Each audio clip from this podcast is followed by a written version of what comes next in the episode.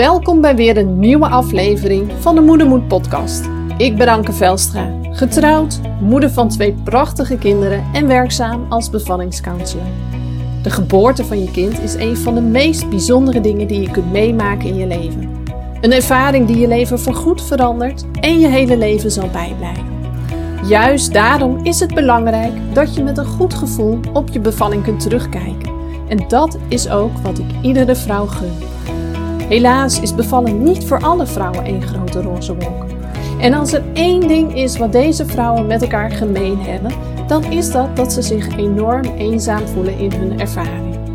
Met de Moedermoed podcast wil ik voor deze vrouwen een plek van herkenning creëren door het delen van verhalen van moedige moeders over bevallingen die anders liepen dan verwacht. Expert-interviews en tips en inzichten vanuit mijn werk als bevallingscounselor en als ervaringsdeskundige.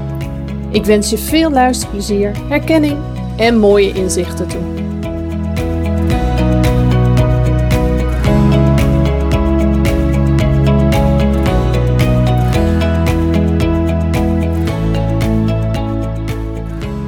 Hey, wat leuk dat je er weer bent bij een nieuwe aflevering van de Moedermoed podcast.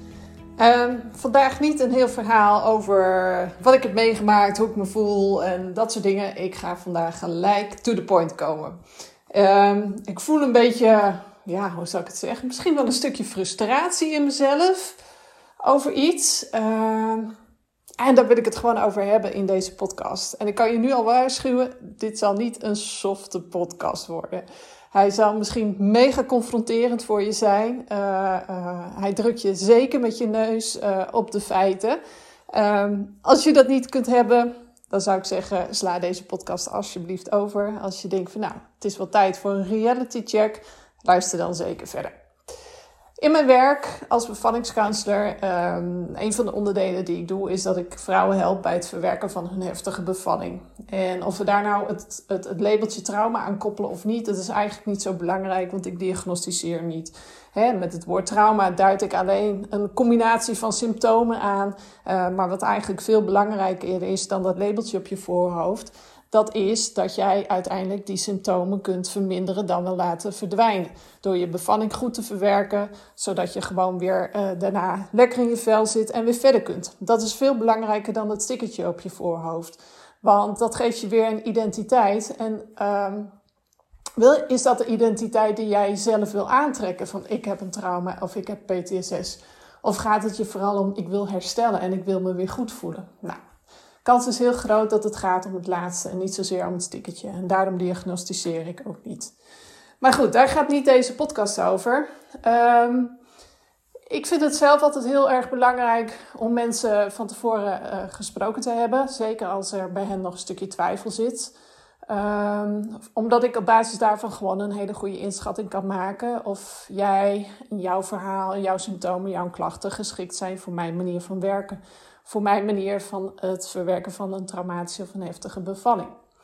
Um, en daardoor is mijn succesratio ook gewoon ontzettend hoog, omdat ik al een schifting maak bij de voordeur. Want als ik denk dat ik jou niet goed genoeg kan helpen, of dat je bij mij niet op de juiste plek bent, zal ik je dat ook direct zeggen. Gelukkig komt dat niet zo heel erg vaak voor, uh, maar dat gebeurt wel eens. En soms dan vragen mensen zo'n gesprek aan of krijg ik een aanmelding van nou ik wil gewoon, ik hoef dat gesprek niet, ik wil gewoon direct starten. En gelukkig gebeurt het maar heel weinig, maar het gebeurt wel. En dan krijg ik na zo'n gesprek of uh, na zo'n aanmelding, uh, waarop ik heb gereageerd en data heb gegeven, een mailtje zo van ja, nou ik zit nu overspannen thuis, uh, of het is nu niet het goede moment, of nou ja, weet ik veel wat voor reden. En ik kan daar zo weinig mee. Want wat, wat denk je nu dan als je in deze situatie zit? Dat je s'avonds naar bed gaat en dat er s'nachts een, een, een fairy, een, een, een elfje langskomt met een toverstaf en die in één keer deze uh, klachten voor uh, wegtovert? Tuurlijk niet. Deze klachten komen ergens vandaan. En waar denk je dat je overspannen door bent? Dat is niet een op zichzelf staand iets. Dat is een gevolg van. Want als je een een, heftige bevalling hebt meegemaakt of last hebt van een bevallingstrauma, um, dat doet iets met je systeem. Er zit gewoon stress in je systeem. En als er heel veel stress in je systeem zit, dan sta je de godganse dag aan. Je bent overalert, je bent constant aan het micromanagen op allerlei kleine dingen. Je kunt niet meer de hoofdzaken van de bijzaken onderscheiden. Je bent voortdurend aan, alert, aanwezig. Je hebt geen moment rust meer op een dag. Alleen dat al kost ontzettend veel energie. En dan heb ik het nog niet eens over alle heftige gevoelens en emoties die op een dag voorbij komen. Dat je herbelevingen hebt, dat je stukjes van, van je bevalling weer als een film voor je ogen ziet. Op momenten waarop dat gewoon helemaal niet handig is, niet praktisch is. Dat je met de kinderen in de supermarkt staat of dat je aan het werk bent. Dus wat doe je op zo'n moment? Je duwt het weg, die gevoelens en emoties. Je denkt niet nu, maar het zit er wel. Het zit wel in je en dat verdwijnt niet zomaar. Dus wat je de hele dag aan het doen bent, is die gevoelens en emoties aan het wegdrukken. Nou, stel je voor dat je in een zwembad staat uh, en je bent aan het spelen met een bal en je houdt die bal onder water gedrukt. Dat kost best wel wat kracht en moeite om die bal onder water geduwd te houden, want anders dan schiet hij met een soort, ja, uh, met een soort knal, schiet hij omhoog. Dat ben jij de godganse dag aan het doen. En dat kost ook vreselijk veel energie. Dus het is volkomen normaal en logisch dat als jij jezelf al een aantal maanden, misschien nog wel langer, staande probeert te houden in deze situatie, dat je op een gegeven moment gewoon kapot bent. Opgebrand, burn-out misschien wel. Heb ik zelf ook meegemaakt. Ik heb het dan nog 4,5 jaar volgehouden. Maar het is volkomen logisch dat ik compleet opgebrand ben geraakt. Absoluut. Dus het is niet een op zichzelf staand iets dat je thuis bent van je werk, dat je overspannen bent, dat je het allemaal niet meer ziet zitten, dat het allemaal uh, op je afkomt en denkt: hoe kom ik hier ooit uit? Het is een gevolg van. En dat gaat niet vanzelf over door af te wachten. Door te wachten van, nou, uh, uh, nu is het het goede moment, nu voel ik me beter. Want als je je beter voelt, dan heb je mijn hulp ook niet meer nodig. En dat gaat gewoon niet vanzelf gebeuren als je een heftige of traumatische bevalling hebt meegemaakt. En natuurlijk heeft ons lichaam een heel groot zelfherstellend vermogen.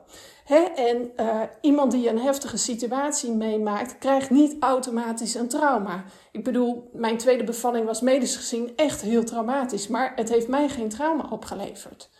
En waarom? Omdat er ook een, uh, ons brein, ons lichaam ook een heel groot zelfherstellend vermogen heeft. Maar als je na zes tot acht weken na je bevalling nog steeds alles even heftig ervaart als vanaf het begin, dat je daar geen sterke verbetering in hebt gemerkt, gaat dat zelfherstellend vermogen jou daar niet uithelpen. Dan, dat herstel verwacht je in de eerste zes tot acht weken na je bevalling. En daarna, als het dan nog niet weg is, is dat een teken dat je wel wat hulp kunt gebruiken bij de verwerking. Dat het niet vanzelf allemaal gaat komen. Dus je kunt wachten tot het meest ideale moment om in te stappen. Maar als je echt last hebt van traumasymptomen, gaat dat moment niet komen. Sterker nog, je zakt alleen maar verder de put in. En gaat het ten koste van heel veel andere zaken. Het gaat ten koste van jouw gezondheid, zowel mentaal als fysiek. Want een lichaam dat onder voortdurende stress staat, verbruikt heel veel energie, verbruikt heel veel vitamine, mineralen. Dus er ontstaan tekorten. Uh, waardoor er mogelijk weer andere ziektes en aandoeningen starten. Die komen vaak voort uit heel veel stress in het systeem. er zijn allerlei onderzoeken wel geweest waarin relaties gevonden worden tussen bepaalde vormen van auto-immuunziektes, bijvoorbeeld uh, in combinatie met heel veel stress. Dus dat kun je niet uitvlakken. Dus het heeft daar invloed op. Het heeft invloed op de hechting en de binding met je kindje. Heel vaak zijn kindjes, baby's, uh, uh, de baby zeg maar die is geboren tijdens die heftige of traumatische bevalling, zijn een trigger. Soms kun je al verstijven op het moment dat je je kindje hoort huilen. Dat je denkt, oh, ik moet weer. En dat, dat gaat niet vanzelf beter worden, dat gevoel. Uh, het heeft een hele grote invloed op je relatie. Misschien durf je nu niet meer je partner naderbij laten komen. Uh, misschien is intimiteit op dit moment gewoon ontzettend uh, spannend, heftig. heb je zoiets van, nou, geen gedoe meer in die zone, zeg maar. Dus dat gaat op een gegeven moment ook drukken op je relatie. Ehm, het heeft invloed op je sociale leven. Je voelt je, je trekt je steeds meer terug. Je hebt geen zin meer. Al die prikkels zijn je te veel van feestjes, gezelligheid. Je kunt er niet meer van genieten. Het heeft invloed op je werk. Alle ballen die je in de lucht moet houden, terwijl er zoveel stress in je systeem zit. Daar kun je op een gegeven moment gewoon niet meer mee functioneren. Tuurlijk, je kunt jezelf een poosje staande houden. En je moest ook. Ik bedoel, nadat je dit hebt meegemaakt, je hebt ook gelijk een kleine baby om voor te zorgen. En misschien heb je nog een gezin met, met meer jonge kinderen die jouw aandacht op, uh, opeisen eigenlijk. Dus je moest jezelf staande houden. Maar vaak na enkele maanden, als je merkt dat uh, alles in een rustige vaarwater komt, dan komt die klap dubbel hard aan. En dan pas ontstaat er ook ruimte voor het mentale stuk. En dan denk je van ja, ik ben dan fysiek nu wel hersteld, maar mentaal zit het ook gewoon echt nog niet lekker. Um, dus, en vaak ben je dan al aan het werk gegaan. Hè? Ik bedoel, onze bevallingsverlof in Nederland is nou niet dermate lang uh, uh, dat dat in een periode gebeurt dat je vaak nog verlof hebt. Dus het, het vliegt je aan. Het is too much. En om dan te gaan zeggen van, nou, het is nu niet het goede moment. Dan denk ik van, ja, maar wanneer is het wel het goede moment? Als je nog twee jaar wacht en dan volledig in de shit zit. Kom op zich, alsjeblieft. Doe er wat aan. En het kan ook. Het is zo makkelijk. Heel veel mensen hebben nog het idee van, uh, als, als ik zoiets aanga, nou, dan kom ik in een zwaar therapietraject uh, terecht. En dan moet ik eens naar de huisarts voor een verwijzing. Dat kan, dat is één weg. Maar je kunt er ook voor kiezen om dat gewoon uh, te omzeilen. Daarom heb ik uh, mijn trajecten, zeg maar, heb je gewoon geen verwijzing voor nodig. Het is ook niet lang, het is ook niet zwaar. Het zijn drie sessies die we binnen vier weken tijd plannen. En dat zou dus betekenen dat als je nu je aanmeldt, Meestal kunnen mensen zo binnen twee tot drie weken starten als onze agendas een beetje matchen. En uh, dat zou het betekenen dat je gewoon nu over een maand, anderhalve maand hiervan af bent, klaar bent, je beter voelt dan wat je nu bent. Dus ja, wat houd je nog tegen? Alleen het gevoel van, uh, uh, of misschien wel een signaal van boven, nou, nu moet je starten, nu is het goede moment. Als jij je niet goed voelt, dan moet je gewoon actie ondernemen. Want het zal niet vanzelf beter worden. Daar heb je hulp bij nodig. En dat moet je aan jezelf toegeven. En dat is een proces, dat weet ik als geen ander. Ik was ook altijd iemand van, nou, ik los het allemaal zelf wel op en uh, ik doe het allemaal wel in mijn eentje. Maar sommige dingen kun je gewoon niet in je eentje doen. Daarvoor heb je een ander nodig. Iemand die daarin gespecialiseerd is en die weet wat het beste voor jou is op dit gebied het is geen afgang uh, om te zeggen van ik heb hulp nodig, om een ander om hulp te vragen. Het is juist ontzettend krachtig als je dat kunt doen en kunt zeggen van ik red het niet meer, help me alsjeblieft verder om, om, om uh, dit een plekje te geven, zodat ik ook echt verder kan. En natuurlijk is het zo dat als je deze klachten hebt, dat ze niet altijd even heftig aanwezig zijn en evenveel op de voorgrond staan. En misschien herken je dat ook wel, dat je de ene moment denkt van nou, nu zit ik zwaar in de put en ik zie het niet meer zitten en de klachten zijn heel heftig en de symptomen zijn enorm aanwezig. En dat, dat je het andere moment zoiets hebt van ja, uh, ik voel me eigenlijk wel oké en uh, nou ja, het valt allemaal wel wat mee en uh, waar doe ik nou zo moeilijk over? En, maar die golfbeweging is heel normaal. Een bevallingstrauma is ook redelijk omheind, om het zo maar te zeggen.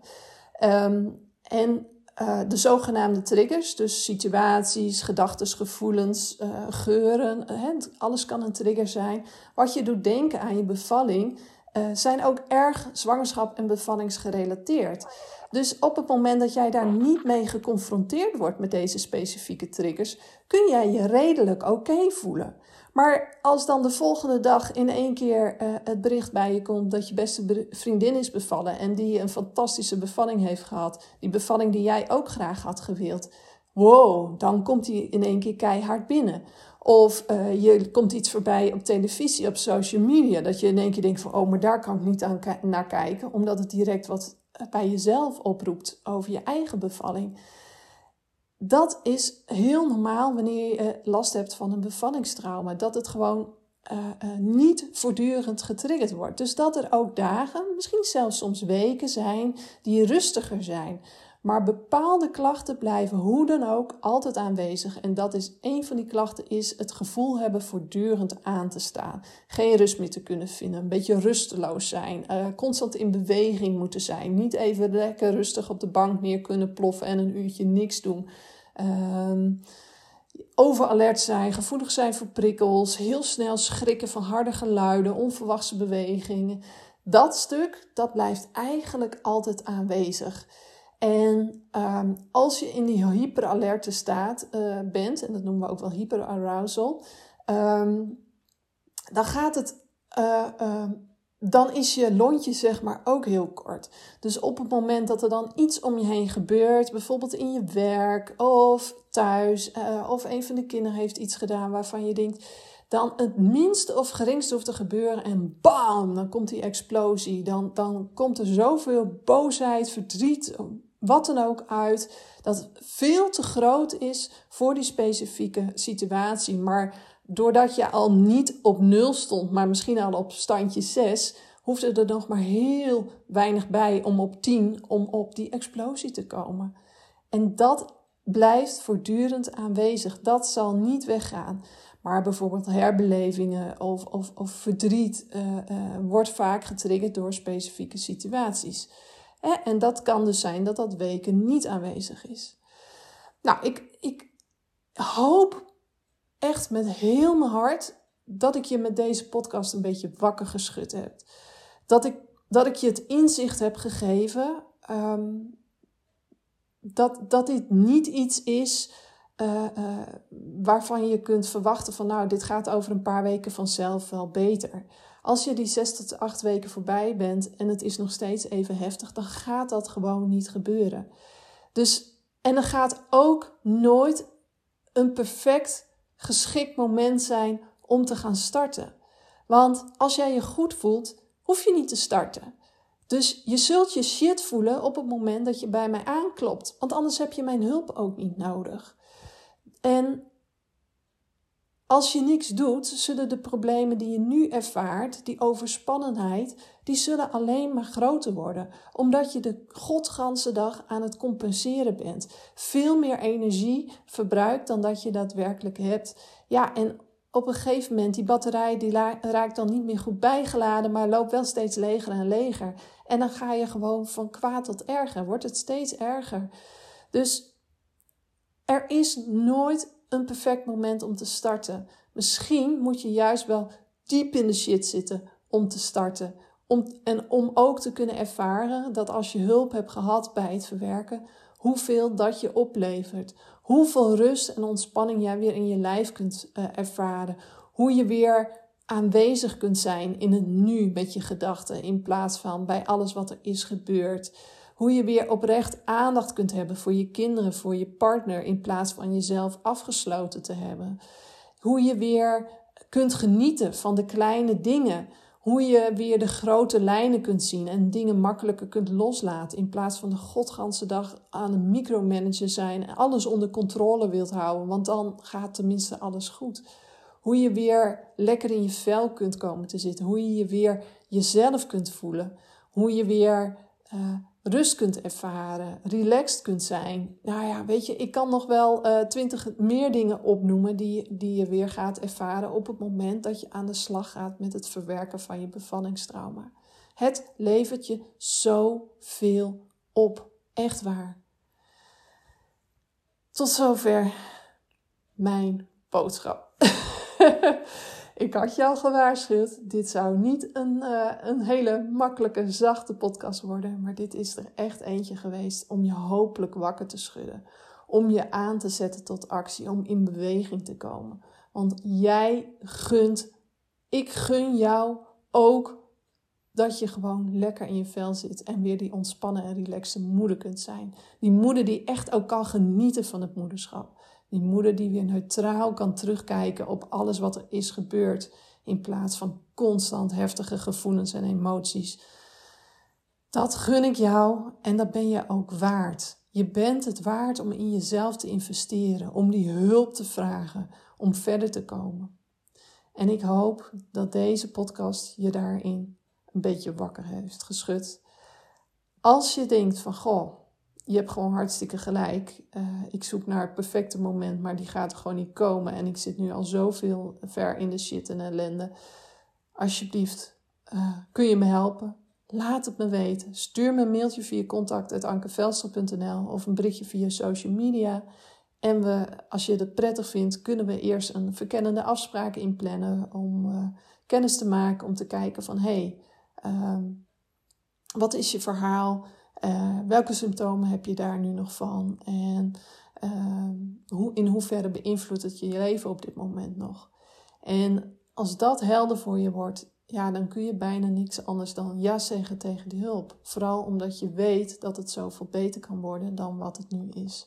En daar help ik jou heel erg graag verder mee.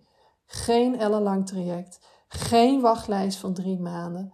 Binnen twee tot drie weken starten, als onze agendas een beetje matchen. En binnen een uh, vier tot zes weken klaar. Hoe mooi is dat? En wat ligt er dan allemaal voor je open? Ik help je heel graag. Dankjewel voor het luisteren.